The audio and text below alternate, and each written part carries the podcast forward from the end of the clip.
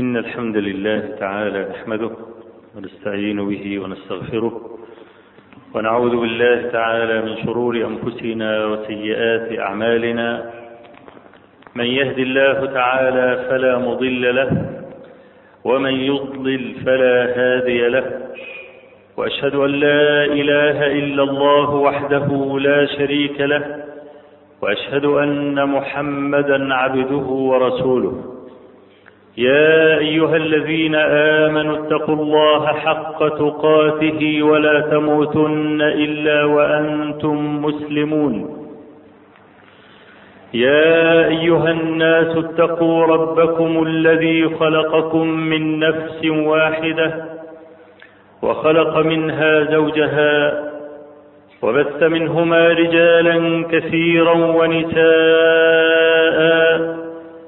واتقوا الله الذي تساءلون به والأرحام إن الله كان عليكم رقيبا يا أيها الذين آمنوا اتقوا الله وقولوا قولا سديدا يصلح لكم أعمالكم ويغفر لكم ذنوبكم ومن يطع الله ورسوله فقد فاز فوزا عظيما. أما بعد إن أصدق الحديث كتاب الله تعالى وأحسن الهدي هدي محمد صلى الله عليه وآله وسلم وشر الأمور محدثاتها وكل محدثة بدعة وكل بدعة ضلالة وكل ضلالة في النار. فلا زلنا أيها الإخوة مع تفسير قول الله تبارك وتعالى أعزة على الكافرين. وقد ذكرنا في المرة الماضية أن الولاء والبراء من أصل الإيمان. وأن الذي ليس في قلبه هذا المعنى ليس عنده من الإيمان شيء. إذ لا يتصور أبدا في مؤمن رضي بالله ربا وبالإسلام دينا وبمحمد صلى الله عليه وسلم نبيا ورسولا ألا يكون في قلبه عداء لأعداء الله ورسوله. هذا شيء لا يتصور لأن الإيمان لا ينفك عنه بحال من الأحوال. مثلما تحب ربك تبغض عدو ربك فهذه مسألة واحدة يستحيل أن تنفصل أبدا. حبيب حبيبي حبيبي. وليس من الحب أبدا أن تصافي عدو حبيبك. فهذه علة الحب. ولذلك وجدتني معنيا بالتفريق ما بين المودة والبر. لأن قائلا وهو من أسمج قائل رأيته. فما رأيت خسفا ولا عسفا مثل هذا الذي سأذكره لكم. يقول هذا الفصل إن هذه الآية لا ينهاكم الله عن الذين لم يقاتلوكم في الدين. ولم يخرجوكم من دياركم أن تبروهم وتقسطوا إليهم. إن الله يحب المقسطين. يقول إن هذه الآية ناسخة لآيات البراء من المشركين. جاهل. ونحن ابتلينا في هذا العصر بتصدر الجهله ثم وقع أهل العلم في فخ لا أدري كيف وقعوا فيه. وهو أن يجادلوا الجهل. محل الجاهل تحت القدم ليتعلم. لا أن ينصب قامته ليناقش. هو ده محل الجاهل. لكن في عصر الفضائحيات والسماوات المفتوحة كما يقال بيعملوا برامج حية. برامج حية بالهاتف. أي فسل في الطريق يسأل أي عالم ويعترض. قول للعالم أنا الكلام ده مش عاجبني. والكلام اللي بتقوله ده كلام غير صحيح. يوم العالم بقى لازم يبقى حليم ولازم يبقى رفيق ولازم يبقى ودود عشان الدعوة إلى الله بالحكمة والموعظة الحسنة. الفسل عمال يعتدي وعمال يضيع في الأدلة والعالم عمال يرد. قول له طول بالك هفهمك. هذا جاهل. والجاهل لا يناقش. يا ياخد على أساه يا يتعلم.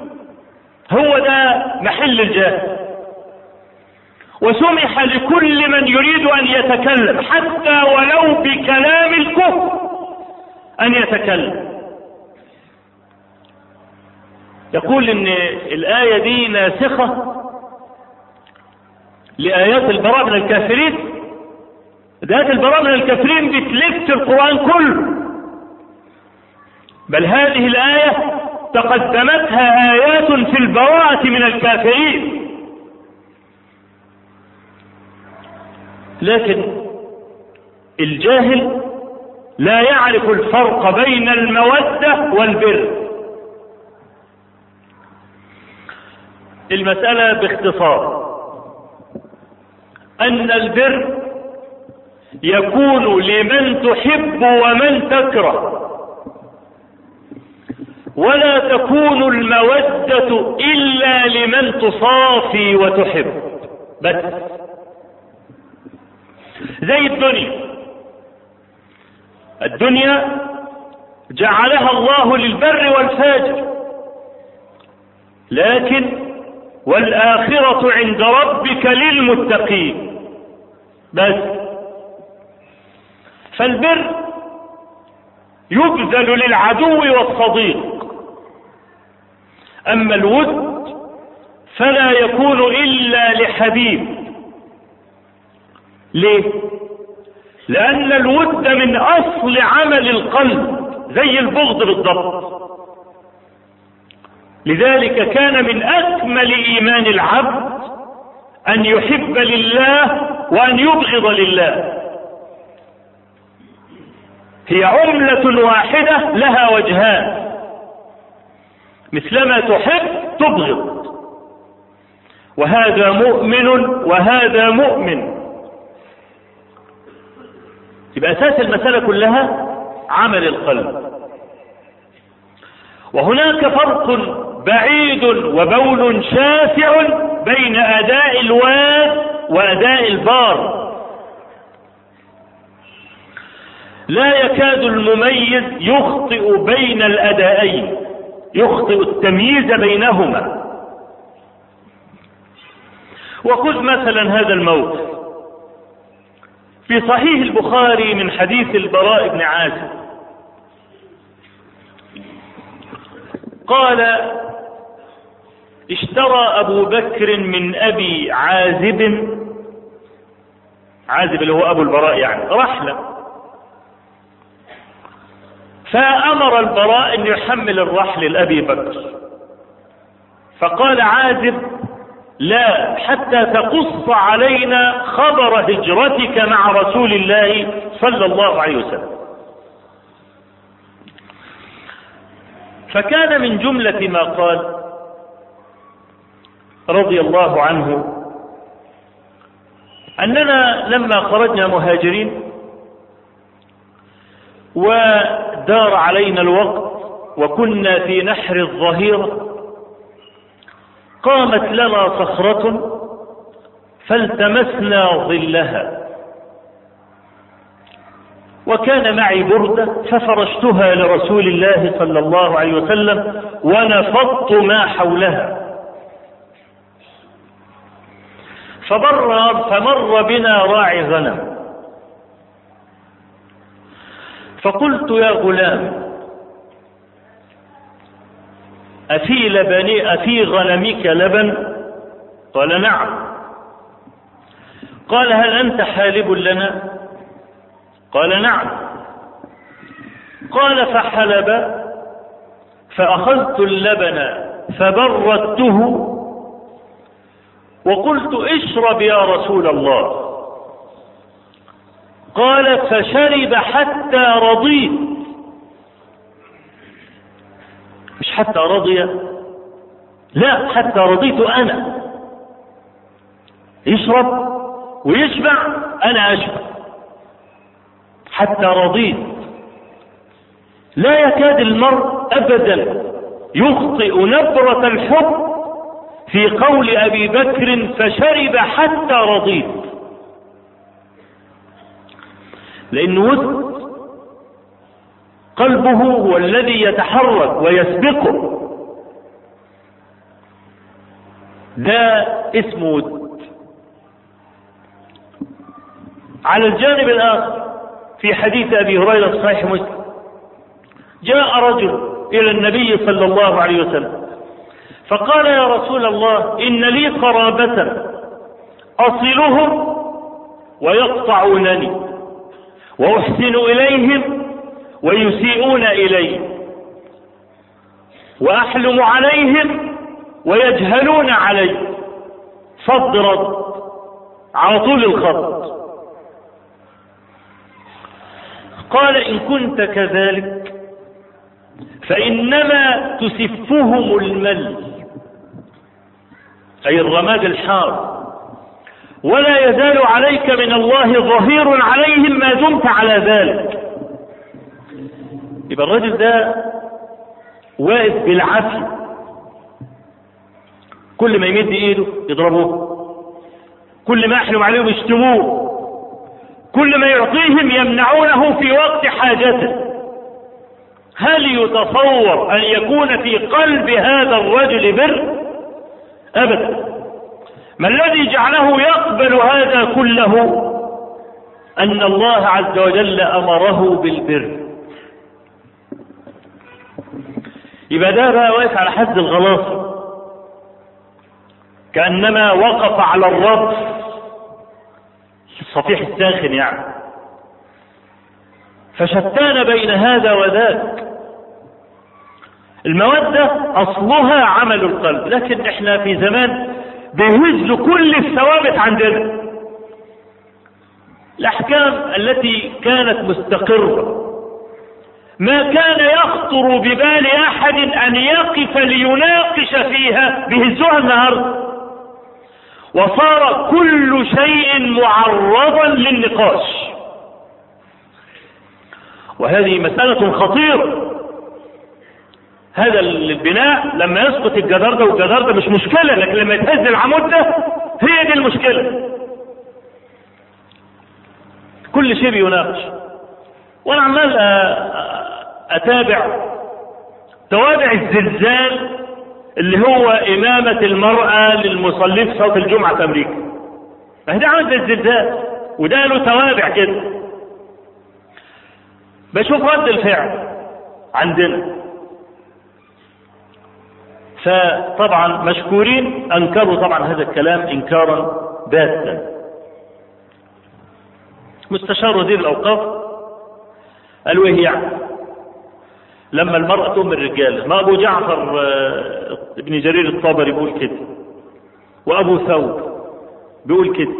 وطالما في فقهاء قالوا بهذا الكلام خلاص بننكر ليه؟ ودول فقهاء أجلاء. أم واحد تاني ردد عليه من علماء أهل السنة والجماعة؟ قال له لا ابن جرير لا يأخذ بكلامه لأنه ملوش في الفقه. ده مفسر بس. ولا هذا أصاب ولا ذاك. أولا الذي يقول إن ابن جرير الطبري ليس بفقيه هذا لم يقرأ لابن جرير شيء. ابن جرير ده كان فلتة من الفلتات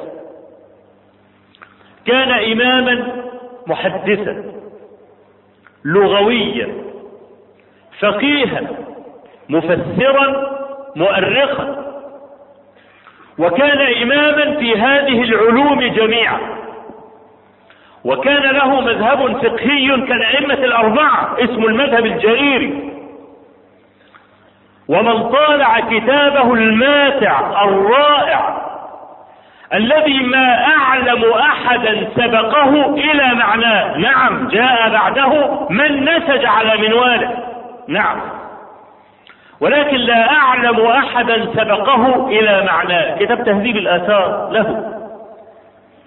أظهر براعة فقهية وحديثية ولغوية. وهذا الكتاب لم يتمه الإمام. ولم نظفر عليه على ما ألفه الإمام لكن ظفرنا ببعض هذا الكتاب ونشر في عدة مجلدات حوالي خمس ست مجلدات الذي وجدناه من هذا الكتاب. أنا أحيل المتكلم ده هو يروح يراجع كتاب تهذيب الآثار لأجل أن يعرف من هو ابن جرير. نعم ابن جرير الطبري إمام كبير وبرز في التفسير. لكن هل يعني برز التفسير يعني ليس له في الفقه؟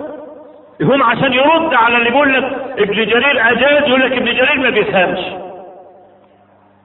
والحق بين طرفي نقيض. وليس معنى أن ابن جرير مثلا إمام المفسرين أن يقبل كل تفسير مثلا. يعني ابن جرير مثلا اختار المسح على الرجل.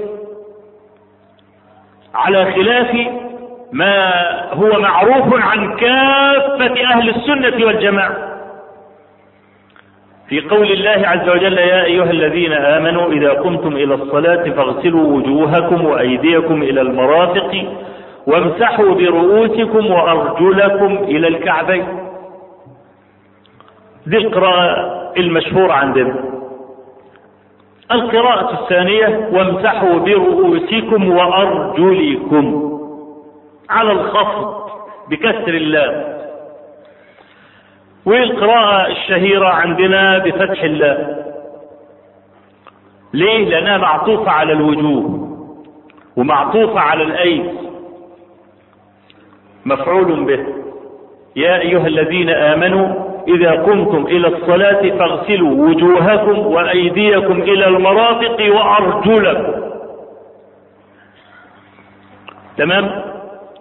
ومن قرأ بالخفض وعطف الرجل على الرأس وحكم الرأس المسح يبقى حكم الرجل المسح.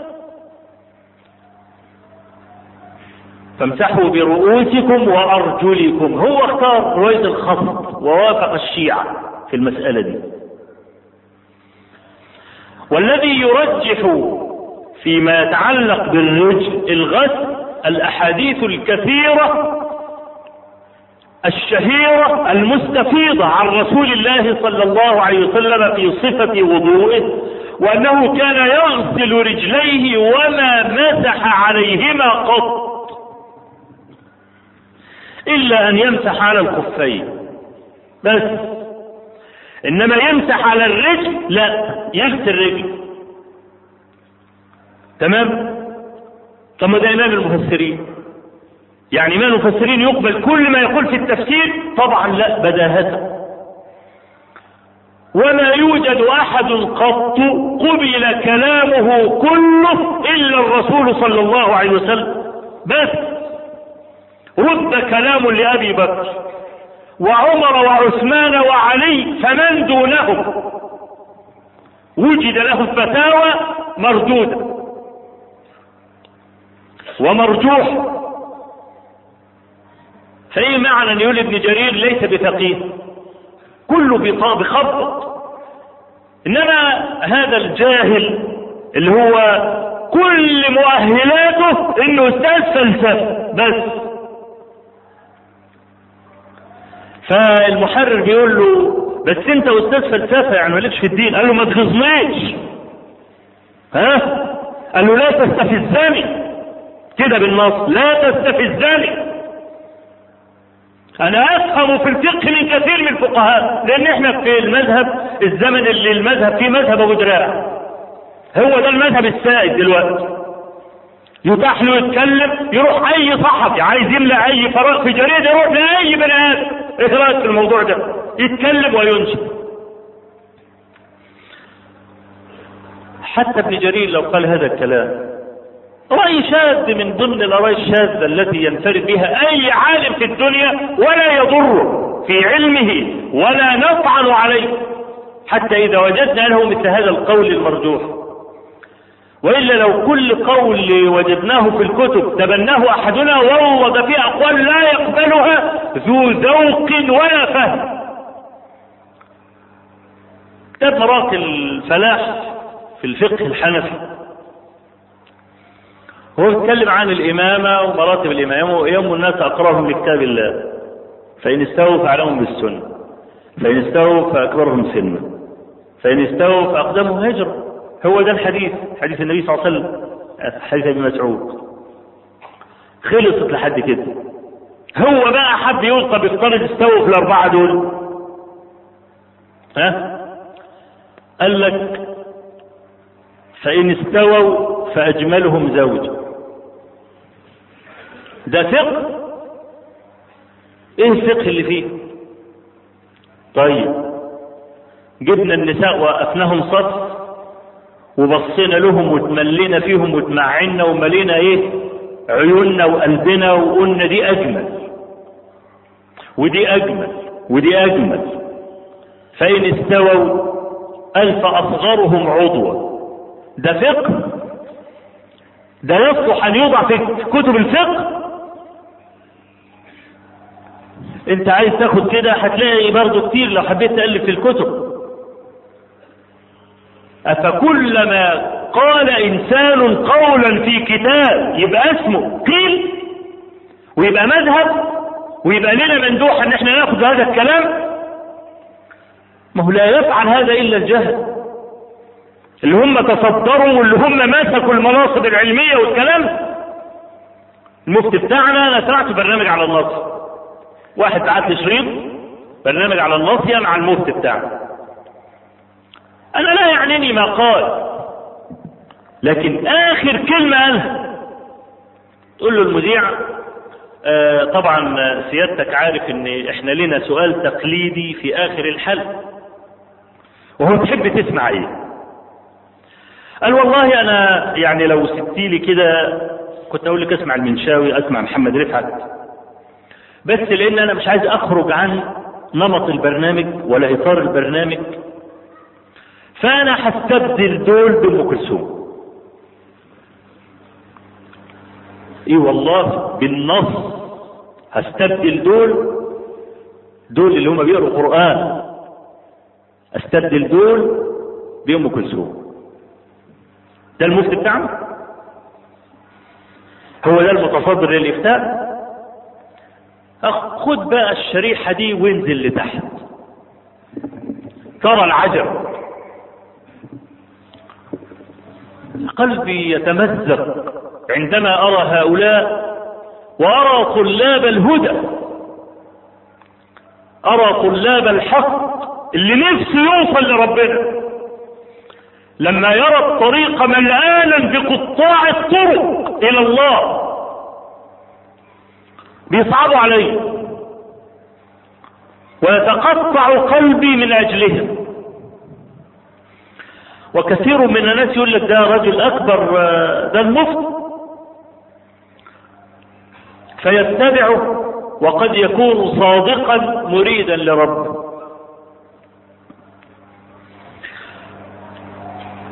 مسألة المودة والبر. أنا معني بتجليتها. لأرد على هؤلاء ولأؤسس وأحيي هذا المعنى في قلوب المسلمين. لا سيما في زمن التيه والضياع والغيبوبة وأنا سأتولى التفريق بينهما من خلال سورة الممتحنة. فإن لفظة المودة تكررت فيها أربع مرات. وهي تعتبر أكبر نسبة في القرآن كله. قال الله عز وجل يا أيها الذين آمنوا لا تتخذوا عدوي وعدوكم أولياء تلقون إليهم بالمودة وقد كفروا بما جاءكم من الحق. يخرجون الرسول وإياكم أن تؤمنوا بالله ربكم.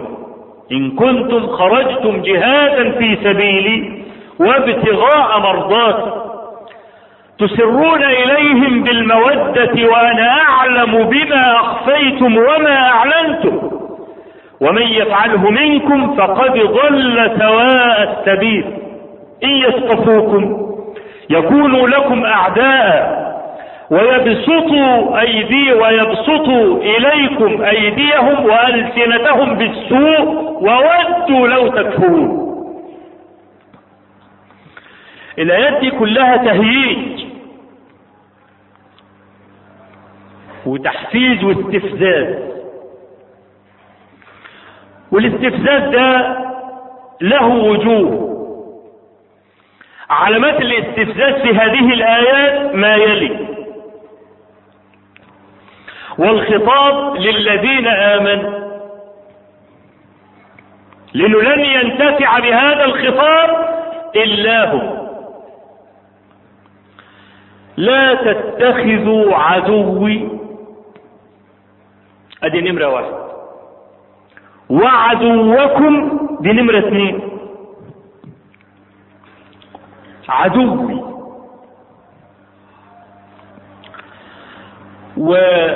والشيطان برغم ان هو معدن الشر. وأول كافر في الخليقه وكل شر في الأرض فرع على شره الكبير. إلا أن الله عز وجل لم يذكر في القرآن ابدا أن الشيطان عدوا ابدا. لم يصف الشيطان قال عدو. إلا على جهة العموم. في قوله تعالى فإن الله عدو للكافرين. الشيطان أبو الكفر كله. لكن يعين الشيطان ويسميه ويقول هو عدوي ما حصلتش دي. ما رأينا ما رأيتها في القرآن. ولا رأيتها في السنة إلا بكلمة عدو الله. لكن الكافر الانسي قال فيه عدو. وقال في فرعون يأخذه عدو لي وعدو له.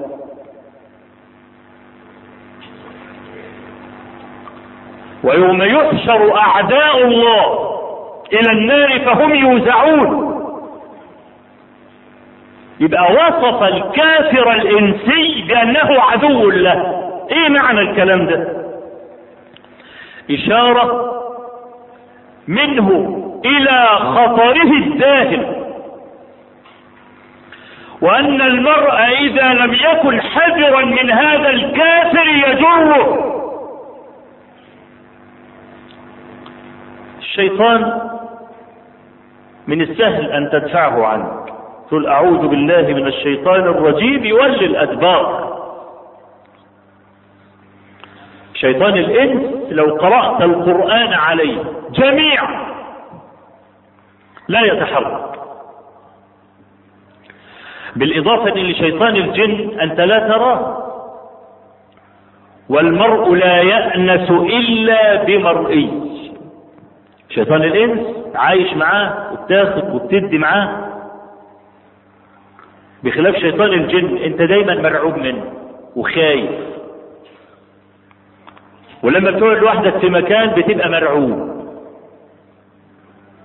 لو استحضرت هذا المعنى شفت الباب بيخبط كده ولا بنزل على الهواء خبط وضربه تقف ما تعرفش تنام طول الليل. برغم إن أنت في الدور العاشر مثلا وامن وبابك مقفول لكن لا تستطيع أن تنام.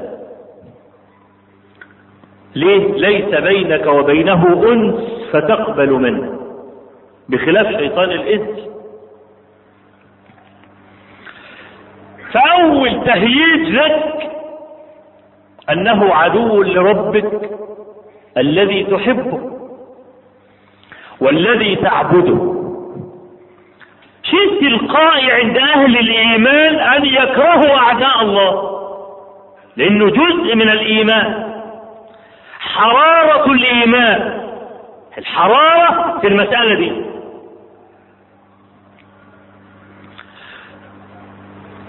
المهيج الثاني أن الله عز وجل إذا قال هذا عدوي يبقى أعد له أشد العذاب.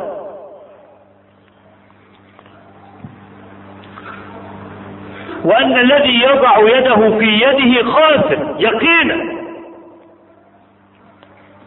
ومن يشاقق الله ورسوله فإن الله شديد العقاب. يبقى عدو لربك دي معناها إنه خاسر مهزوم وآخرته جهنم. المهيج الثالث أنه عدو. إذا ما كانش المهرج الأولاني حرتك. وفي ناس إيمانها نظري. إيمانها على الورق. يسمع سب الدين وسب ربنا لا يحرك ساكنا. واحد قال له وسبه بأبيه يدخل معاه في معركة حتى لو خسر حياته فيه. ما الذي هيجك؟ لما سب هذا المار أباك. بينما سب ربك فلم تتحرك. فما الذي هيجك؟ محل الوالد في النفس والأنفة من الذل. فإذا لم تتحرك بالمهيج الأول اللي هو عبارة عن مهيجين في بعض نهيجك بأنه عدو. تلقي إليه بالمودة. وشوف التعبير بقول اعدادة تلقون. اربط مثلا هذا بقوله عز وجل إن في ذلك لذكرى لمن كان له قلب أو ألقى السمع وهو شهيد. الإلقاء ده معناه الإصغاء الكامل. يعني تلقون إليهم بالمودة الكاملة. وهم أعدائي وأعداؤكم أيضا. هذه الآية نزلت بسبب. وهذا الخبر رواه علي بن أبي طالب رضي الله عنه ورواه جماعة عنه. وفي كل رواية ما ليس في الأخرى. وكما هي عادتي في هذا الموطن ألفق القصة كلها من الروايات. قال علي بن أبي طالب قال لي رسول الله صلى الله عليه وسلم انطلق أنت والمقداد ابن الأسود والزبير بن العوام وأبي مرسد الغنوي. دول أربعة قال علي كلنا فارس. فارس يعني الخلاصة يدخل في معركة يكسبها. طب مين العدو بتاعهم؟ ضعينة امرأة. أربع فرسان رايحين لامرأة. قال اذهبوا إلى روضة خاخ اسم مكان. تجدون ضعينة معها كتاب. ايتوني به. كتاب يعني خطاب. انطلقوا الأربعة وجدوا فعلا المرأة جالسة. قال لها علي أخرج الكتاب. قالت ما معي من كتاب؟ ففتشوا رحلها كله فلم يجدوا شيئا. فقال أبو مرسد والمقداد ليس معها كتاب. إحنا فتشنا لم نجد. فقال علي ما كذب رسول الله صلى الله عليه وسلم. معاه كتاب يعني معاه كتاب. ما يروح يقول هات الكتاب يبقى معاه. ما كذب رسول الله صلى الله عليه وسلم ولا كذبنا. قال لها لتخرجن الكياب الكتاب وإلا لأجردنك. اخلعك هدومك فأخرجت الكتاب من عقاصها. من الضفيره بتاعتها. لفت الورقة كده وحطتها بين ضفيرتها كده وضفرت عليها. من شعرها وضفرت عليها.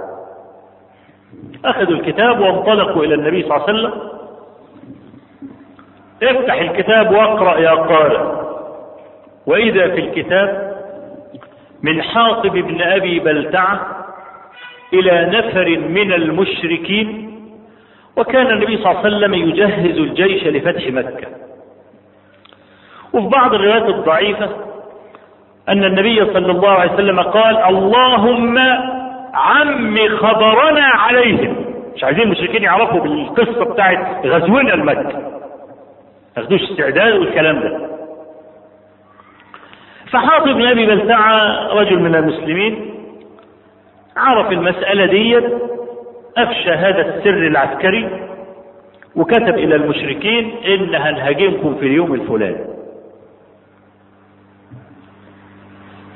حاطب في بعض الروايات جالس وفي بعض الروايات أنه لم يكن في المجلس فذلك محمول على أنه لم يكن في المجلس فجيء به وجلس.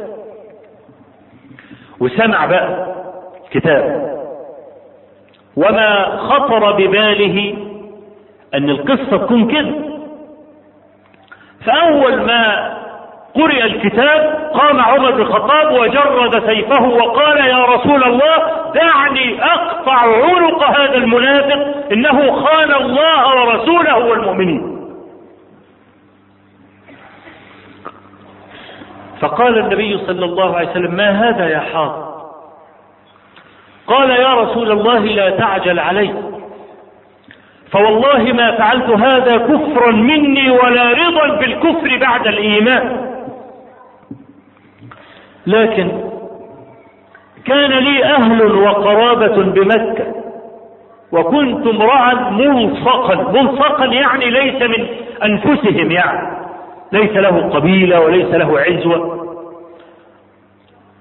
وكان من من المهاجرين لهم من أهليهم ولهم من مالهم ما يرد الله به عن أعراضهم وعن أموالهم.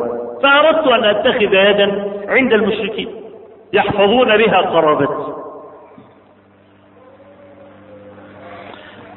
قال صدقكم لا تقولوا له إلا خيرا. فقام عمر وقال يا رسول الله خان الله ورسوله والمؤمنين دعني أقطع عنق هذا المنافق فقال إيه يا عمر؟ لعل الله اطلع إلى أهل بدر فقال اعملوا ما شئتم فقد غفرت لكم. إن الله عز وجل كما في الحديث الآخر قضى ألا يلج النار أحد شهد بدرا والحديبية. ولما جاء غلام حاطب يشكو حاطبا وكان يقسو على هذا الغلام. فقال له الغلام والله يا رسول الله لا يدخلن حاطب النار. قال له كذبت إنه شهد بدرا. لعل الله اطلع إلى أهل بدر. فقال اعملوا ما شئتم فقد غفرت لكم ففاضت عينا عمر. وقال الله ورسوله أعلم. فنزلت الآية. لا تتخذوا عدوي وعدوكم أولياء. تلقون إليهم بالموده ولذلك قال الله عز وجل لن تنفعكم أرحامكم ولا أولادكم. يشير إلى ما فعله حاطب لماذا فعلت هذا؟ حتى يحفظ قرابته وأرحامه فلا يصل إليهم أذى قريش. لن تنفعكم أرحامكم ولا أولادكم يوم القيامة يفصل بينكم. والله بما تعملون بصير. الآية الوقعة دي فيها معنى دقيق. نحن قلنا إن المودة عمل القلب. فهل حاطب لما فعل هذا كان قلبه معه؟ الجواب لا. أمال الآية نزلت ليه بلفظ المودة؟ تلقون إليهم بالمودة وحاطب قطعا صادق الإيمان. لا يرضى لا بالكفر ولا راضي بالكفر. ده مسلم من قلب. ويحب الله ورسوله من قلبه فلماذا نزلت الآية بلفظ المودة التي هي عمل القلب؟ نجيب عن هذا إن شاء الله عز وجل. أقول قولي هذا وأستغفر الله العظيم لي الحمد لله رب العالمين له الحمد الحسن والثناء الجميل وأشهد أن لا إله إلا الله وحده لا شريك له يقول الحق وهو يهدي السبيل وأشهد أن محمدا عبده ورسوله صلى الله عليه وعلى آله وصحبه وسلم. أيها الإخوة الألفاظ قوالب المعاني. ومما تتميز به لغتنا أن يتسع اللفظ حتى يشمل المعنى الأصلي وما يقاربه. وكذلك في أفعالنا. فعل قد يقصد به المعنى الأصلي أو ما يقاربه. يعني في سنن الترمذي عن أبي واقد الليثي قال خرجنا مع النبي صلى الله عليه وسلم وكنا حدثاء عهد بإسلام. وهم ماشيين مروا على جماعة من المشركين علقوا سيوفهم على شجرة يقال لها ذات أنواط. الشجرة دي كان المشركون يلتمسون البركة ويستلهمون النصر منها. فلما على على السيف يبقى ده بشير خير له المسلمون قالوا يا رسول الله اجعل لنا ذات أنواط كما لهم ذات أنواط. قال الله أكبر إنها السنن. قلت والله كما قال أصحاب موسى لموسى اجعل لنا إلها كما لهم آلهة. هل هذا القول كذلك لا. يا بعد ما بينهم. هذا هذا في الشر وهذا في الغرب. فما وجه قول قوله صلى الله عليه وسلم قلتم كما قال أصحاب موسى لموسى؟ اجعل لنا إلها. كما لهم آلهة. آه مسلمون يقصدوا بس يبقى لنا شجرة زيهم. عشان ما يبقاش هم منفردين بحاجة. لكن خطر ببالهم إن يكون لهم شجرة يعبدونها من دون الله. ما أظن هذا المعنى ورد على عقولهم. إنما بنو إسرائيل قالوا لموسى وأرجلهم مبتلة بماء البحر. اجعل لنا إلها كما لهم عايزين إله نعبده. زي هم ما بيعبدوا عجل عايزين عجل زي زيهم. عجل إله؟ عايزين إله؟ ومن الذي أنجاكم من فرعون؟ دلوقتي أهو. ده أنت رجلك مبلولة إن البحر الماء تجمد بقى زي الجبل. ولقيت كده سكة في وسط البحر. وعديت. الماء السائل ده بقى حجر. أول ما يطلع يقول اعمل لنا إله عايزين نعبده بس ملناش إله. لهم عجل وملناش عجل. ما أقبح هذا. لكن النبي صلى الله عليه وسلم قال ذلك لأن الكلام متشابه مع قطع النظر عن القصد. ولذلك نهينا أن نقول اللفظ القبيح الذي يشتمل على المعنى القبيح وإن لم يقصد القائل. ليه؟ لأن المستمع إذا وقع اللفظ في أذنه وقوعا مستبشعا انفعل له. يعني انت ما تقصدش.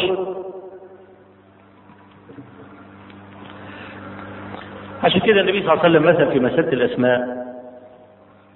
قال لا تسمين غلامك رباحا ولا نجاحا ولا فلاحا أو نجيحا أو ربيحا. روايات. حتى قيل حتى إذا قيل أتمه وقالوا لا. رباح هنا ما فيش رباح ما فيش رباح. ليه ما فيش رباح؟ يبقى في خسران مع أن الذي نفى وجود رباح ما قصد نفي الرباح عن نفسه ولا عن البيت. ولكن لما وقع الكلام أو كان يقع وقوعا مستبشعا في أذن المستمع أغلق الباب. دين نظيف وشريعة غراء. تراعي حتى هذا. فالمسلم منهي أن يتشبه بفعله وبلفظه. لا تقل كلاما قبيحا وإن لم تقصد معناه أو موهما. ولا تفعل كذلك. ليه؟ لأن ده من تمام العزة. أن يظل عرضك مصونا وأن تكون عزيزا. إحنا مثلا في الصلاة ينهى المسلم أن يتشبه بالبعير. لا يبركن أحدكم بروك البعير. ينزل بركبته إذا نزل بركبته يبقى تشبه بالبعير. يقول لك لا ده أنت مسلم. فحتى نزلك على ركبتك ما تنزلهاش عشان ما فيش حد وهو نازل يفتكر البعير نوع من العزة. مش عايز حد يشبهك. لا يشبهك أحد. أنت سيد هذا الكون. فما ينفعش يبقى فيك شبه من بعيد. ولا يحتفزن احتفاز الثعلب. ولا يفترش افتراش الكلب. ولا ينقر نقر الديك ممنوع. تتشبه لا بالكلب ولا بالثعلب ولا بالبعير ولا بالديك. يبقى لا تفعل الافعال التي إن رآها إنسان افتكر الديك بتاعه أو افتكر الكلب بتاعه أو افتكر الثعلب أو البعير. لتظل متميزة. مش حد يشبهك ابدا. لا سيما إذا كان من الأنعام. إذا كان يعني اللي عمل الحركة دي واحد دون ما ينفعش تشبه بيه. وكذلك نهينا عن التشبه بالكافرين برضه. ليه؟ حتى تميز عن هذا الكافر. لا تلبس لبسه ولا تتخذ طريقة من طرائقه قط. انت ممنوع من المسألة دي. لتظل فريدا كان عمر بن الخطاب لما يجد واحد كده لابس لباس المسلمين كان بيضربه. أي واحد من اليهود من أهل الكتاب كان يقول له إلبس زيك. زي مميز لهم يلبس حزام ويصل يعمل زنار يعمل أي حاجة بس المهم أشوفه أعرف إنه مش مسلم عشان يفضل منبوذ. وفي نفس الوقت ما ادلوش بقى حقوق المسلم إحنا بقى في زمان اختلطت فيه الأزياء. تقابل الناس في الشوارع ما انتش عارف يطلع إيه. ملته إيه. عشان كده الهدي الظاهر كان في غاية الأهمية. لحية التي تميز المسلم العنوان. العنوان الذي لا يلتبس على أحد أنا لو مشيت الشارع لا يلتبس على اثنين إن أنا مسلم لكن واحد لابس بدلة وكرافته وحالق وملمع كده وبتاع وماشي في الشارع. أنت تقدر تقول ده يطلع إيه؟ ملته إيه؟ ما تعرفش. إلا إذا ظهر منه أي حاجة ممكن يبقى كده وفي وشه علامة صلاة مثلا. فأنت تقول آه دي علامة صلاة يبقى خلاص عرفت إنه مسلم فيوم تنهى عن ذلك عشان تفضل عزيز. لا يشبهك أحد. كل بقى يبقى متطلع لك نفسه يبقى زيك. فده يبقى نوع من الإغراء إن هؤلاء يتشبهوا بالمسلمين ليصيبوا من العزة ما أصاب المسلمون. وللحديث بقية بعد الصلاة إن شاء الله. أقول قولي هذا واستغفر الله العظيم لي ولكم. اللهم اغفر لنا ذنوبنا وإسرافنا في أمرنا وثبت أقدامنا وانصرنا على القوم الكافرين. اللهم اجعل الحياة زيادة لنا في كل خير واجعل الموت راحة لنا من كل شر. اللهم قنا الفتن ما ظهر منها وما بطن. اللهم لا تجعل الدنيا أكبر همنا ولا مبلغ علمنا ولا تجعل مصيبتنا في ديننا ولا تسلط علينا بذنوبنا من لا يخافك ولا يرحمنا. ونعوذ بالله تعالى من شرور أنفسنا وسيئات أعمالنا. من يهد الله تعالى فلا مضل له ومن يضلل فلا هادي له وأشهد أن لا إله إلا الله وحده لا شريك له. وأشهد أن محمدا عبده ورسوله. أما بعد فإن أصدق الحديث كتاب الله تعالى وأحسن الهدي هدي محمد صلى الله عليه وآله وسلم وشر الأمور محدثاتها وكل محدثة بدعة وكل بدعة ضلالة وكل ضلالة في النار. اللهم صل على محمد وعلى آل محمد كما صليت على إبراهيم وعلى آل إبراهيم في العالمين إنك حميد مجيد وبارك على محمد وعلى آل محمد كما باركت على إبراهيم وعلى آل إبراهيم في العالمين إنك حميد مجيد. مسألة الولاء والبراء هذه كما قلنا من أصل الإيمان. والقلب هو المحرك الحقيقي لهذه المسألة. والذي لا يوجد في قلبه هذا المعنى فليس عنده قلب.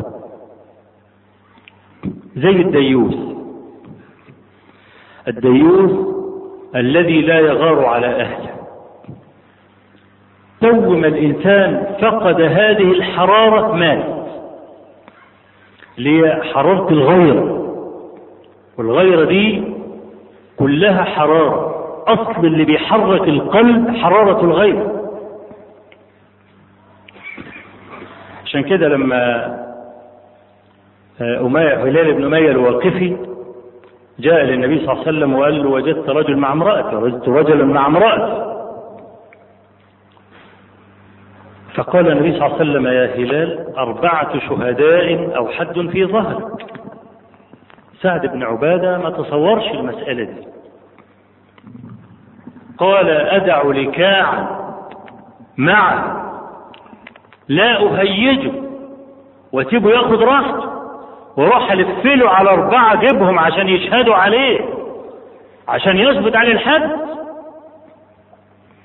والله ما أعطيه إلا السيف غير مصفح غير مصفح يعني أضربه بحده لا بسطح. مش غير مصفح من السطح والمغفرة يعني والعفو لا. السيف له سطح وهو جانبي ليه؟ جانبي السيف وحد اللي انت بتقطع بيه.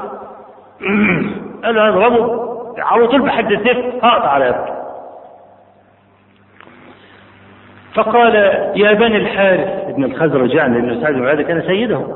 ألا تنظروا ما يقول سعد؟ قال يا رسول الله أعذره. إنه رجل غيور. ما تزوج امرأة قط إلا بكرا وما طلق امرأة فجرؤ أحدنا أن يتزوجها بعده. حتى وهو مطلقها مش طايق حد يلمسها ها؟ فكرني مرة بواحدة أمريكانية مسلمة يعني. فلما كنت بروح في بعض المؤتمرات وكانت بتغير جدا جدا وجوزها فلسطيني وبعدين عايز يتجوز كمان واحد. فالست غيورة جدا جدا. فرفض فقول إزاي ترفضي؟ إذا كان إحنا في الجنة الواحد له سبعين. فكانت تدعو في صلاتها ألا يدخل الجنة. هشوف يعني الغيرة الحمقى وصل درجة إيه؟ لا يدخل النار وما يتجوز عليها في الجنة. ده ربنا عز وجل يقول إنا أنشأناهن إنشاء فجعلناهن أبكارا عربا أترابا لأصحاب اليمين. ده حاجة تانية لا الغل اللي في الدنيا موجود ولا الكلام كل الكلام ده بيتلاغي خلق من جديد. خلقا آخر يناسب الخلود ويناسب الجنة لأن الغيرة من الغل. والغل نار. خلاص كده؟ يبقى نفهم من كده إن الغيرة نار. خلاص كده؟ النار في الأصل هي اللي بتحرك. أي حاجة متحركة في الدنيا لا تتحرك إلا بنار. اللي هي الطاقة والشحنة والكلام ده سواء كانت نار حقيقية أو نار مشحونة. فالذي يحرك القلب فعلا هو الغيرة التي هي الوقود الحقيقي للقلب. متى فقد المرء هذه الغيرة؟ مات قلبه. إذا ديوس بقى تفرقش عنده المعاني كلها. فقالوا يا رسول الله اعذره شوف بقى الكلام الجميل اللي جاي ده. قال إن سعدا يغار. ماشي. وأنا أغير من سعد. والله أغير مني. لذلك حرم الفواحش على عبده. شوف الترتيبة دي بقى. الله سعد يغار ماشي. وأنا أغير من سعد مش معنى أن أنا ساكت إن سعد أغير مني عشان عمل المسألات.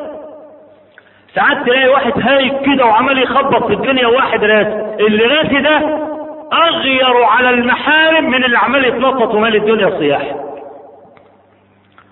ساعات كده تلاقي واحد مثلا طرق بمصيبة عظيمة مثل حبيب. أو فقد شيئا نفيسا. الجماعة اللي جايين يجاملوه بيعيطوا وهو ساكت. كالحجر ليه هو زعلان ولا إيه؟ ده الحزن هو الذي جفف دموعه. مش لاقي دموع من كتر الحزن. هي عائشة رضي الله عنها لما حصل قصة الإفك والكلام ده والعالم اتكلموا النبي صلى الله عليه وسلم يدخل عليها ما يتكلمش اللي بس يدي السلام وخلاص كيف تيكم فضلت ثلاثين يوم تبكي. قالت حتى ظننت أن البكاء فالق كبدي. كتر العياط. فلما النبي صلى الله عليه وسلم جاء مرة قعد على طرف السرير كيف تيكم زيها. وهي مش متعودة على كده. ده متعودة يعني في حالتها العادية إنها يعني لها حظوة ولها مكانة والنبي صلى الله عليه وسلم بياخد ود معاها وبيمزح معاها لما كانت بتعيا بقى كان النبي صلى الله عليه وسلم بيبقى حاجة تانية خالص معاها. طب دي مصابة مش بعيا ولا بتاع؟ في عرضها شوف بقى طاهرة الزيت. ما تزن بريبة وتصبح غرسا من لحوم الغوافل. زي ما حسان بن بيقول. خطرش على بالها ابدا إن الفاحشة دي ما تعديش على راسه من أصل. تعدي على راسها زي رأس النبي. تقوم تتهم في عرضها؟ ده بقى ما تقوليش لا مرض ولا بتاع ده ضرب العنق أهل. فعياط عياط. النبي صلى الله عليه وسلم أول مرة يتكلم حمد الله وأثنى عليه وبعدين قال لها الكلمتين دول. يا عائشة إن كنت ألممت بذنب إن كان ده حصل منك يعني فاستغفر الله. فإن العبد إذا أذنب واعترف بذنبه ثم تاب تاب الله عليه. إن كنت ألممت بذنب ألا. يعني أنا ممكن أعملها؟ يعني تاخد كلام لسان حالها بيقول للنبي عليه الصلاة والسلام هل ممكن يخطر ببالك إن أنا ممكن أعملها؟ أول ما سمعت الكلمة دي اللي بتعيط بقالها شهر قالت فلما قالها قلص دمعي فما أجد منه قطرة. راح فين نهر الدموع؟ شهر 30 يوم بتسح دموع راح فين؟ لأن دي أعظم مصيبة من وجهة نظرها الدنيا كلها تقول زي ما هي عايزة بس يجي لحد النبي ما ينفعش. كلامه بقى الفيصل في المسألة. فلما يقول إن كنت ألممت بذنبك فهذا إشعار. منه صلى الله عليه وسلم إنها ممكن تكون عملت كده. فلما دموعها نشفت كده يبقى حزنها قل لا.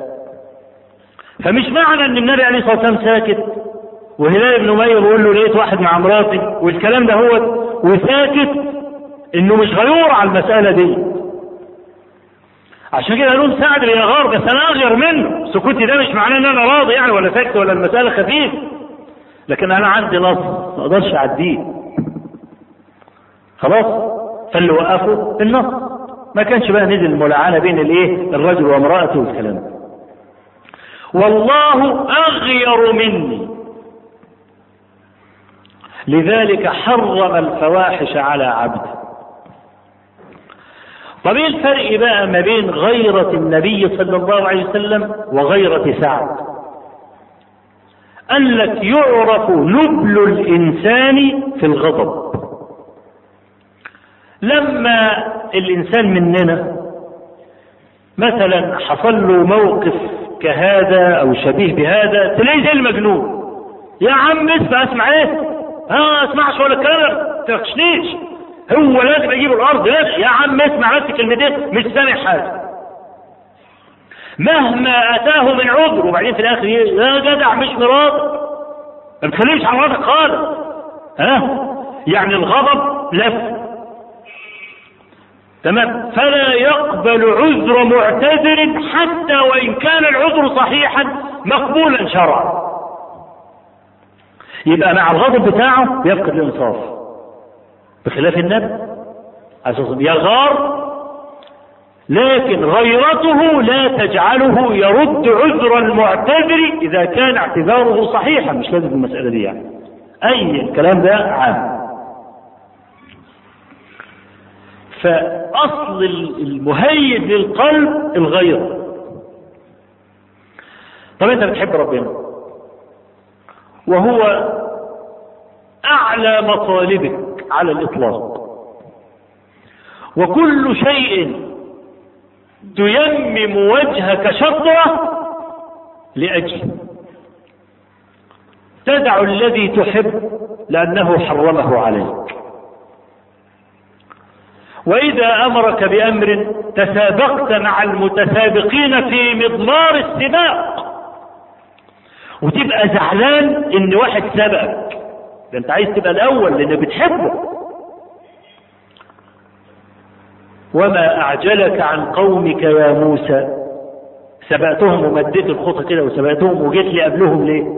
قال هم أولئك على أثري وعجلت إليك ربي لترضى. أنا سبقتهم وجيت أجري عشان ترضى علي. لأن ده اسمه دليل حب. خلاص؟ تترك هواك وما تشتهيه وما تتمناه لأنه حرمه عليك. ولما تلاقي واحد سبك تبقى غيران. ولله المثل الأعلى. تعرف لما يكون الاثنين بيحبوا واحدة؟ بيعملوا إيه ببعض بلاش. لو كلبين مع كلب. بيعملوا إيه؟ بيوجعوا دماغك من النباح وعضوا بعض والكلام ده. كل واحد عايز ينفرد. انت بقى لما يكون الاثنين بيحبوا واحدة ولا بتاع الكلام ده مش معناه إن أنا ببيح الحكاية دي؟ ها؟ ده الكلام ده أنا لا أبيحه ان لا له أبيح. ها؟ آه. بس أنا بضرب مثلا بس عشان أوضح الله فيحصل عندك نوع من الغيرة ان في حد بيشاركك في المحبوب. يحصل هيجان كده في القلب. عايز تنفرد بيه لوحدك. تمام؟ أهل الصلاح والديانة والاستقامة يحصل عندهم نوع من الغيرة كده لما واحد يسبقك لرب. سبحانه وتعالى. فلما يكون ده مطلوبك ومقصودك وهيجي يراك في حياتك وتلاقي واحد عمال يسجد لصنم في الأرض. ده تعمل فيه إيه بقى؟ تكرهه ولا تحبه ولا تقول ماليش دعوة؟ مقتضى الغيرة إنك أنت تتضايق وإذا قدرت تغير تغير ما قدرتش تغير تعتزل. هذه العزة الشعورية وتبغضه وما تعرفش تتعامل معه. ليك عنده مصلحة هسيبها خلاص ده الكلام التلقائي كلام التلقائي اللي الإنسان بيشعر بيه عشان حرارة الغير طبعا الكلام ده ممكن بعض الناس دلوقتي في مخخه كده وعقولها تقول طب ما إحنا بنتعامل مع الكفار في البضاعة والأكل والشرب والكلام ده ونجيب بضاعة فهل ده ينافي الغيره؟ لا طبعا ما ينافيش. ينافي الحكم الشرعي؟ لا ما ينافيش. الكلام ده كله إحنا هنجيبه بقى. هنجيبه ونتكلم بقى على حكم التجارة مع أهل الحرب وحكم السفر لبلاد الكفر وحكم بقى إنك أنت ممكن تاخد واحد أمين تاخد منه حاجة معينة عارف إنه مش هيضرك. الكلام ده كله إن شاء الله سنذكره بضوابطه. لكن أنا بتكلم على المعنى الغير على معنى الغيرة التي تحرك القلب. يبقى الولاء والبراء عبارة أصلا عن غير. الغيرة عبارة عن نار. النار ده هو الوقود الذي يحرك القلب. عشان كده لا يتصور إيمان بغير ولاء للمؤمنين وبراء من الكافرين. والنبي عليه الصلاة والسلام لما جاء جرير بن عبد الله البجر عشان يبايعه قال له إيه؟ كما في مسند أحمد وسنن النسائي وغيرهما قال والنصح لكل مسلم وأن تفارق أهل الشرك. وهو بيبين أهل الشرك تفارقه. ليه؟ لأنه أمر من نافخ الكير. تعرف النافخ الكير؟ النبي صلى الله عليه وسلم ضرب المثل دي. قال له إما أن يحرق ثيابك وإما أن يؤذيك وإما أن تجد منه رائحة منتنة ادي نافخ الكير. فهو الكافر أشر من نافخ الكير. يعني عمر ما هيجي لك منه خير. أبدا. إلا إذا كنت مؤمنا مستيقظا. عارف مداخله ومخارجه وعارف إزاي تاخد اللي ينفعك بس. الكلام ده إحنا بنقوله ليه؟ لأن نحن في هذا الزمن اللي قاعدين يطمسوا فيه الهوية الإسلامية بالمذهب العالمي الجديد اللي هو المذهب الإنساني. كلنا ولاد تسع. وكلنا لآدم. وآدم خلق من تراب. فاحنا ولاد آدم عليه السلام.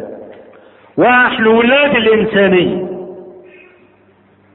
مات البابا يوحنا بولس الثاني لعز ونتفجع ونظهر الحزن. تمام؟ وهذا رأس الكفر في الأرض. هو ده المطلوب. مفيش حاجة اسمها كافر مسلم بقى يعني خلينا كده مع بعض. ربنا عز وجل بيقول وودوا لو تكفرون. كل الشغل ده كله لأجل أن تترك دينك. مش لازم تبقى نصراني ولا يهود. مش عايزك اعمل بك إيه؟ لكن ما تبقاش مسلم. هو ده الموضوع. مش بيكفرك عشان تبقى على ملته؟ لا. ده أنت عارف الحركة الصهيونية في الأصل قائمة على تكفير اليهود كمان. يعني مش بيكفيهم بدون يهود. ها؟ اسقطوك يا قال لك أنا قاع المخلوقات مفيش بعديه هيعملوا فيه إيه؟ أكتر من كده. فدول عايزين اليهود يبقوا زنادقة. ما يبقاش يهود كمان.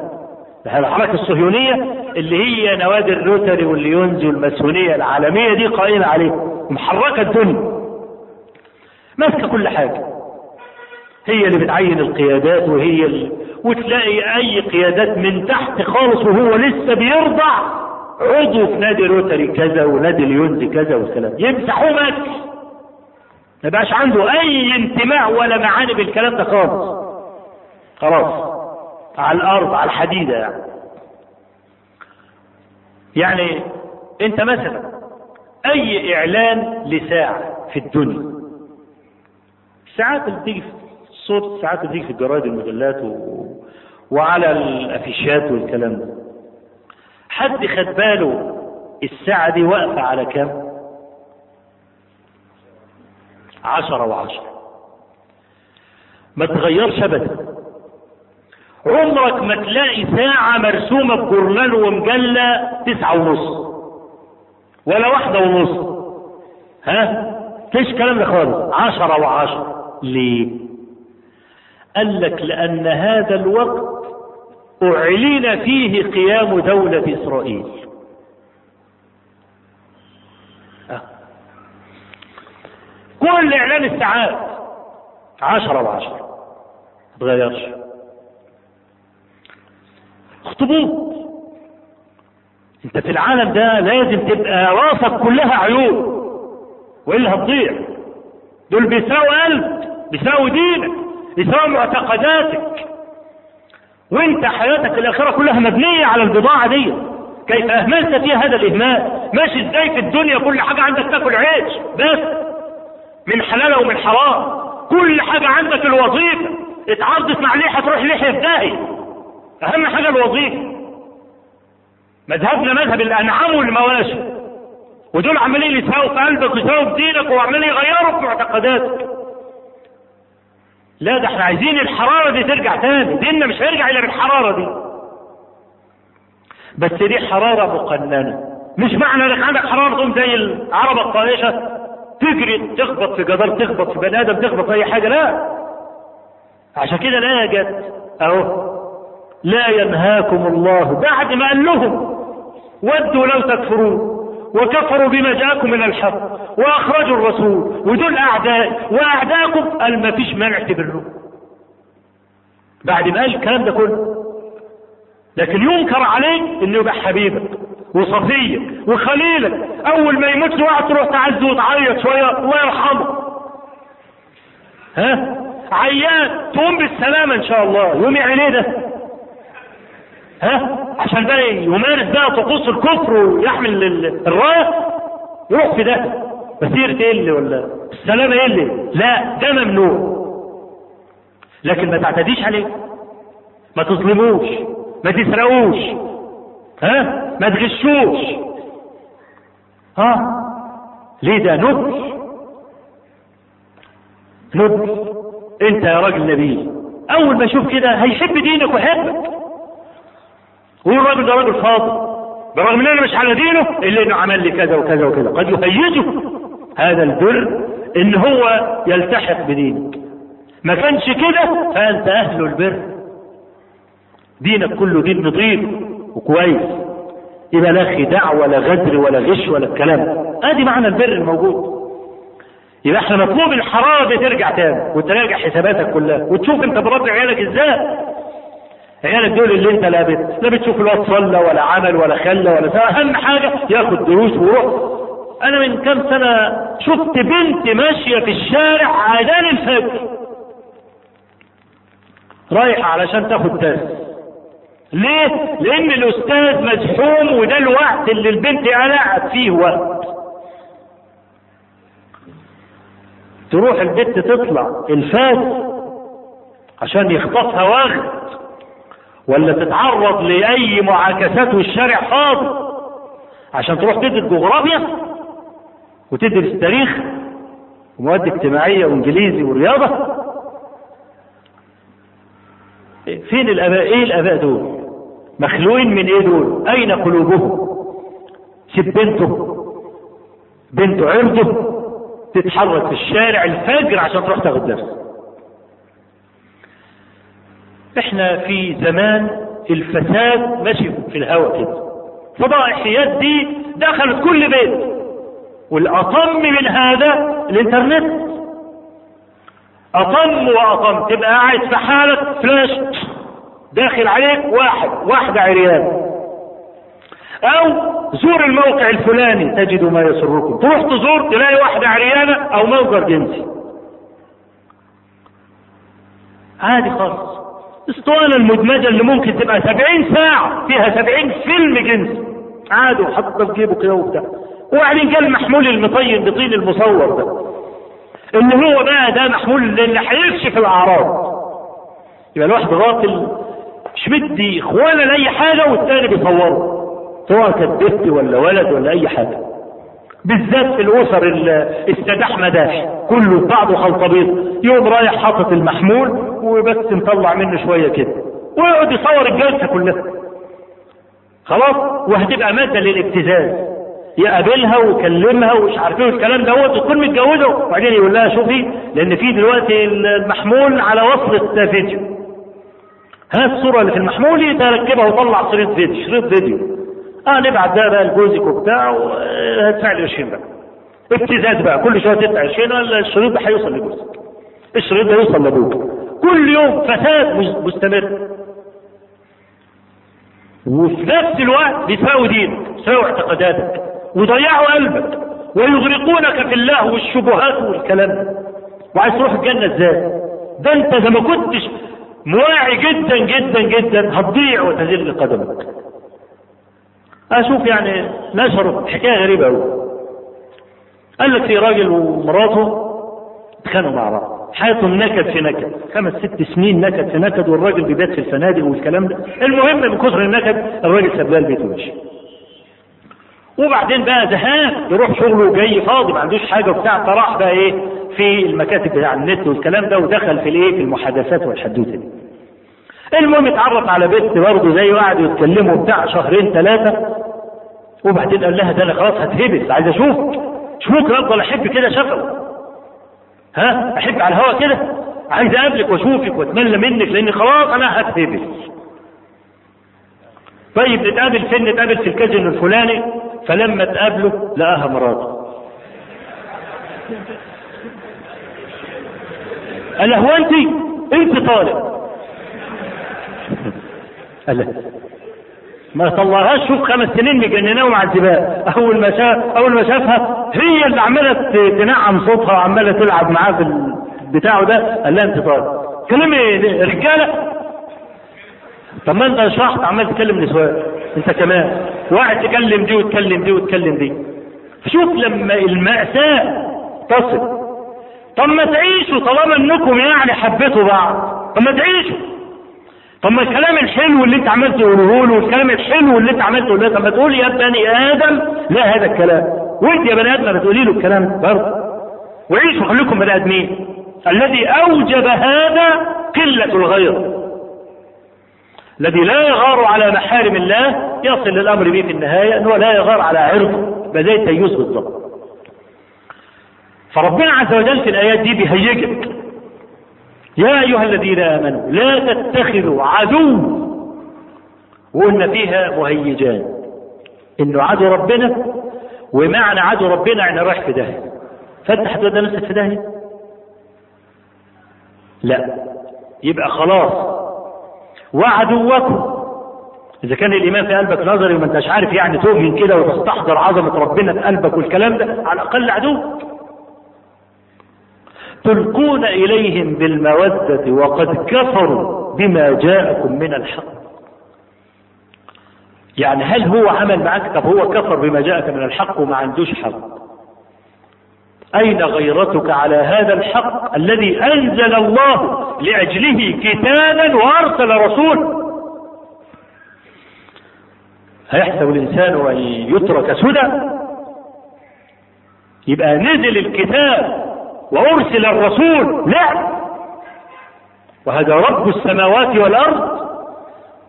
لا. يكفر بهذا الحق وتروح علشان تصافيه وعشان تبقى صديقه العزيز وتروح بقى في مناسباته في الحزن والفرح والكلام ده وتتولاه. إزاي؟ آدي مهيج رابع. يخرجون الرسول. كمان يطلعوه من من داره. وشردوه في الأرض. وده اللي المفروض إن هو أغلى حاجة في الدنيا عندك هو الرسول عليه الصلاة والسلام. فتصور بقى لو طلعوك أنت من فيلا ولا طلعوك من بيت ورموك في الشارع الرصيف اللي اتخذ قرار يعني هد طردك من البيت ده أنت هتكرهه قد إيه؟ أهو دول بقى اخرجوا الرسول. والنبي صلى الله عليه وسلم بيقول كما في الحديث الصحيحين. يأتي أناس من بعدكم. يود لو أنه رآني بأهله وماله. شوفني بس. كلمنيش. بس يطالع وجه. ويدفع في مقابل هذا عياله وفلوسه. اللهم اجعلنا منه غالي الرسول ده غالي قوي هو رائدك إلى الجنة. الغالي ده طردوه. يبقى كم مهيج لحد دلوقتي؟ استفزاز أهو.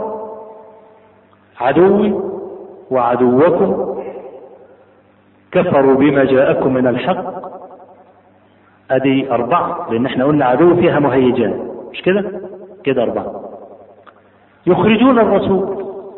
أدي خمسة. واياكم مش زعلان عشان الرسول خرج؟ طب طردك انت من بيتك وشردك. بعد ما كنت قاعد وكويس ومعاك فلوس بتنام على الرصيف وتأكل ورق الشجر. الصحابة كانوا بياكلوا ورق الشجر؟ وزواج تأكل ورق الشجر وممكن تكون عزيز في قومك زي مصعب بن عمير. ما تحقدش عليه ترهوش. مش بينك وبينه عداوة ويحن كده. اللي ما يزيدش بعد ده كله ده ما عندوش قلب يخرجون الرسول وإياكم. طب إيه جنايتك ارجع لنفسك وقول أنا عملت إيه عشان يطلعني وترد؟ لا اعتديت عليه ولا عملت في حاجة ولا كافي ربكم.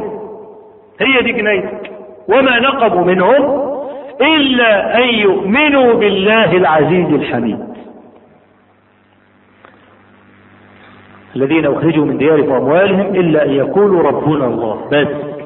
دي جنايتهم إنه ملتزم. يبقى معرض للشحططه والبهدلة والكلام. ادي جنايته فكونك بتؤمن بربنا يشردك ده برضه ما يهيجكش. كمان. دي كلها مهيجات. كان إيه؟ حتى لا تلقي المودة لهذا الكافر. دي مهيجات خمسة كل مهيج يحتاج إلى شرح. طيب إن كنتم خرجتم جهادا في سبيلي وابتغاء مرضاتي لا تتخذوهم أولياء. بعد ما تطلع وتشرد تلقي إليه بالمودة هذا هو الخسران المبين. لا دنيا حصلت ولا آخرة هتحصل فذا وعندك صدق وطالع عشان تجاهد.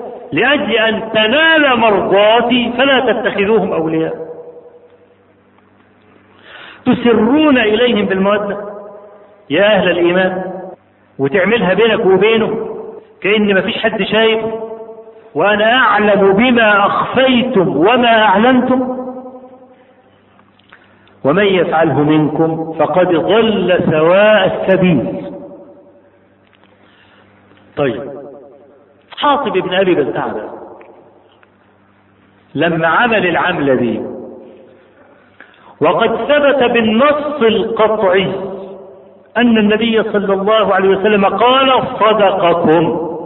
ما فعل هذا كفرا ولا رضا بالكفر. لكنه فعل فعل المنافقين. وإذا اتهمت خصمك فأنت معذور. إذا اتهمت خصمك فأنت معذور حتى وإن كان على الحقيقة غير متهم في هذه القضية. واحد خصمك أنت بتقول ده بيعمل لي مقلب برغم إنه ما بيعملش الحقيقة. الحقيقة ما بيعملش مقلب بس لما نقول بيعمل لي مقلب أنا معذور لأنه عمل مقالب كتير قبل كده. تمام؟ ولذلك عمر بن الخطاب قال دعني أقطع عنق هذا المنافق نوح والمؤمنين. النبي صلى الله عليه وسلم عايز يقفل العملية ويغني على قريش عشان فجأة يبغثهم كده. يروح يلاقي قريش كل واحد ماسك لي سلاح ولافف حوالين مكة. هيكون من نتيجة دي إيه؟ حرب ودماء تسيل وناس من خيار الخلق سيموتون وترك دماؤهم. بسبب إيه؟ بسبب إن العدو عرب والحرب خدعة كما قال النبي صلى الله عليه وسلم يبقى تعرض الجيش المسلم والفئة المسلمة لأن يقتل منها ويبقى الخسائر عندها كثير. ففعله في الظاهر فعل المنافقين الذين يوادون الكافرين كالغنم بين الربيضين لا إلى هؤلاء ولا إلى هؤلاء فإذا كان الله عز وجل عظم فعل من يفعل ذلك بغير مودة حقيقية في قلبه. عشان كده قال له فقد ضل سواء السبيل. من يفعله منكم متحركا بقلبه فقد ضل سواء السبيل. إحنا عندنا ناس يدافعون عن الذين كفروا دفاع المستميت ويتبرى وكده يشعر بقزامة ان هو مسلم. الذين ينشرون الفاحشة في الجرائد والمجلات والخطاب بتاعهم. كاتب كبير عندهم. له كتاب اسمه ستة أيام في أمريكا. راح مركز من مراكز الدول العربية دي المراكز العربية. وبعدين قال لقيت رئيس المركز واقف عمال يفرك استنى راجع على وشه قال له فينك؟ انجد قال له إيه؟ قال له المسلمين كلهم قاعدين في صف واحد مش كافرين قاعدين الجماعة الثانية ما بقولش كافرين طبعا. في كافة في الناحية الثانية كده تفرقة.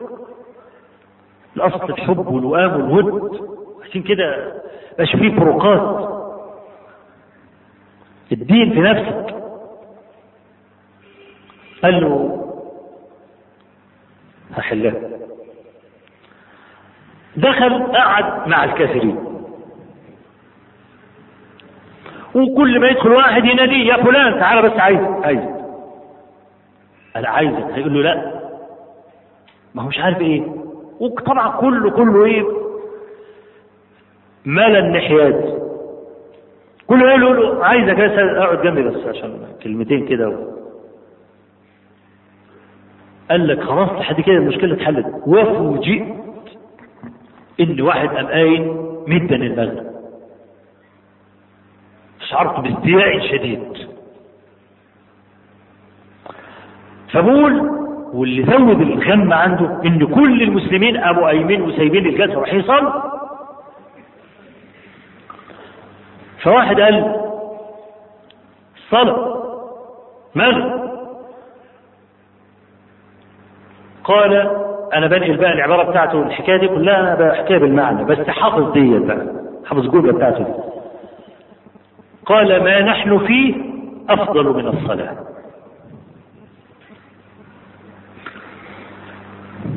ده ده منظر ها؟ وده واحد من الرواد. واحد من الرواد. اللي واخد راحته في المرئيات والمكتوبات والمسموعات. وكثير من الناس لا يعرف أبجديات دينه افترض إنه صادق ونفسه يوصل لربنا والكلام ده وقع في قرابيز واحد زي ده هيوديه فين؟ عشان كده بقول لكم يا جماعة لوذوا بعلمائكم. هو ده مصدر الحياة لطالب النجاة العالم. تلوذ بيه؟ ده أهم من الأكل والشرب. أنت بتحتاج الأكل والشرب؟ ممكن مرة في اليوم ممكن كل خمس ست أيام ممكن تاكل طاقة وما تموتش. لكنك لا تستغني أبدا أن توجه قدميك إلى ربك طرفة عين. العالم أنت محتاج كل دقيقة. الأكل والشرب محتاج كل يوم. الدواء ممكن تحتاجه كل أسبوع كل 10 أيام ممكن ما تاخدوش خالص. فهو أهم من الأكل وأهم من الدواء. المنبر ده أنا بعتبره زي منصة الصواريخ. اللي يطلع المنبر ده لابد أن يراعيه ويعرف قدره ويعرف أنه له تأثير بالغ في نفوس الناس. اخوانا خطباء بالذات بتوع الأوقاف لأن الجماهير عندهم الجماهير السواد الأعظم عندهم. لأن المساجد كلها تبع الاوقاف إلا قليلا قليلا قليلا لازم يحضر ويقرأ ويكون محب لدينه ما يشتغلش بالأجرة ابدا ما يدلوش فلوس يبقى مستغفر في الناس الكلمة يقول لك هطلع لهم إيه؟ هذا ده 20 ملطوش في الخطبة. يعني حاجة ده أنا بصرف لي 15 جنيه رايح جاي. أول ما يتحرك بهذه الروح انتهت دعوته. يبقى زي ما هم عمالين يتكلموا في منابر شتى أنا هبعت لهم صاروخين ثلاثة أربعة من هنا. صواريخ بقى محملة برؤوس نووية. ها؟ دروس نوعية علمية يعني عشان يحصل تفتيش وبتاع ويقول لك طلع اللي عندك ها آه يعني ما هو الموضة كده الموضة كده ها رؤوس علمية تطلع علشان تدك حصون الخصوم فالمفترض أي حاجة تنطلق من هذا المنبر أنت تدي لها عقل قلبك وعقلك. وتكون دي خطوة علشان تواصل المسيرة ما كنت هتكلم النهاردة عن موضوع برضه محتاج له صاروخين ثلاثة كده. لكن إن شاء الله أحيانا الله عز وجل وقدر بيني وبينكم لقاء في الجمعة القادمة هنتكلم فيه. رضاع الكبير. رضاع الكبير دلوقتي عمالين يلعبوا بيه ويتريقوا عليه واحد قال لك رضاع الكبير ده أنا هروح لنانسي عجرم بقى وابص مصتين عشان ابقى إيه محرم لها ونقعد مع بعض سوا بقى. تهكموا بالشرع وتهكموا بالأحاديث وتهكموا بالصحابة وطلع الجهله لأن الجهله هم اللي بيكتبوا الكلام ده. العلماء اللي يعرفوا القصة. عايزين نصحح بقى الأوضاع. ونذب عن هذا الدين العظيم دين المتين ولن نغلب حججنا أقوى من حججهم لأننا ننقل عن الله ورسوله. هم لا ينقلون عن أحد معتبر.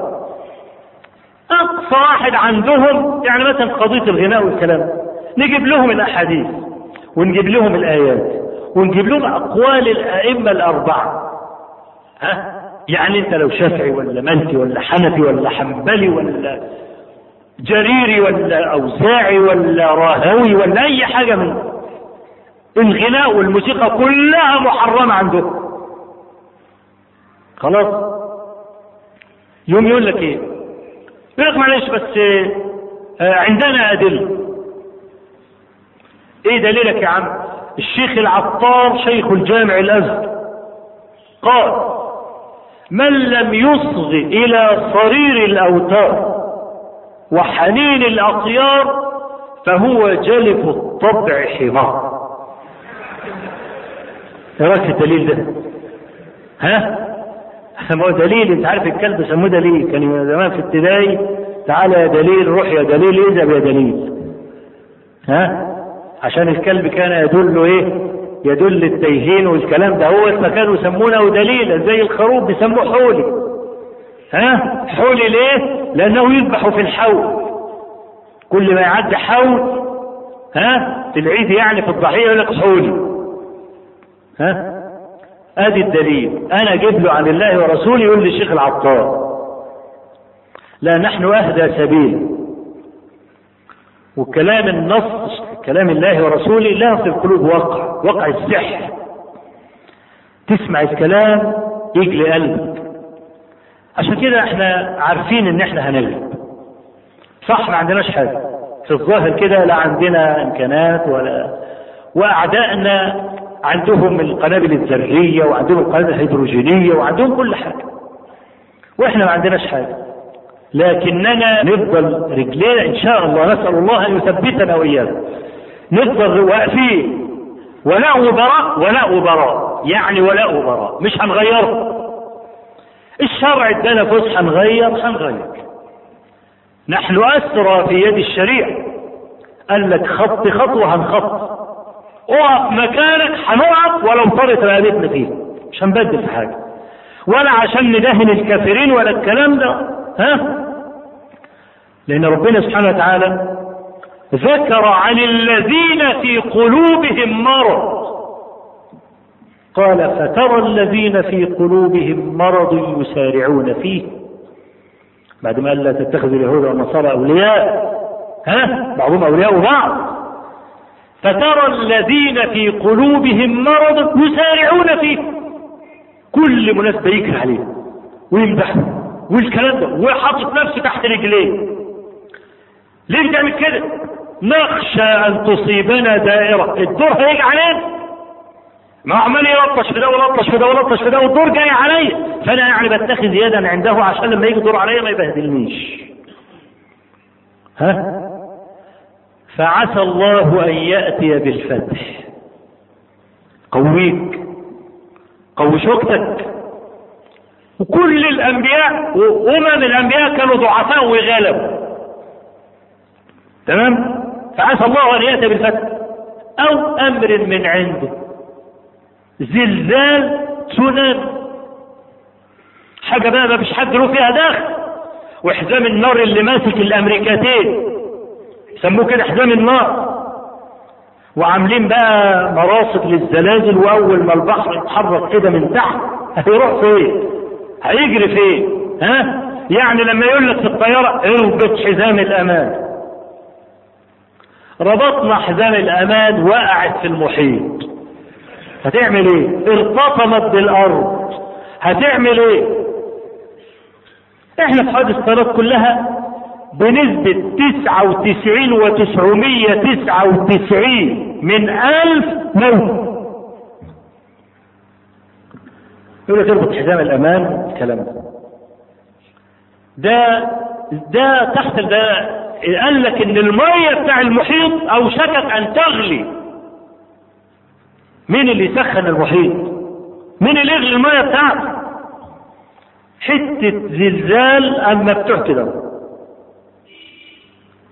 فعسى الله أن يأتي بالفتح أو أمر من عنده فيصبحوا على ما اسروا في أنفسهم نادمين حيث لا يجي الندم يبقى أنت تمسك بدينك وارفع راسك. ليه؟ لأنك تلوذ بجناب القوي العزيز الذي لا يغلب وجاره لا يضام يبقى الولاء والبراء ده جزء من الإيمان لا اسمه تطرف ولا اسمه تعصب ولا إحنا بنقول للناس شيلوا سكاكين وأي كافر موته. لا لأن المسألة دي لها ضوابط. الود وعمل القلب ده للمسلمين بس ولأهل الإيمان فقط. تود أهل الإيمان لدرجة إنك تبقى ذليل قدام. مطاطي رأسك ومدلدل ودانك كأنك عامل عمل لما تقف جنب أخوك. أول ما تودوش النحال تلاقيك طرطقت كده ووقفت. عينك فنجلت. اللي يعمل دي ودي هو المؤمن من أكمل الإيمان الحب في الله اللي هو أصل الود والبغض في الله اللي هو اصل البراء. أقول قولي هذا وأستغفر الله العظيم لي ولكم أن أرجو من إخواني أن يفسحوا لي الطريق. بارك الله فيك.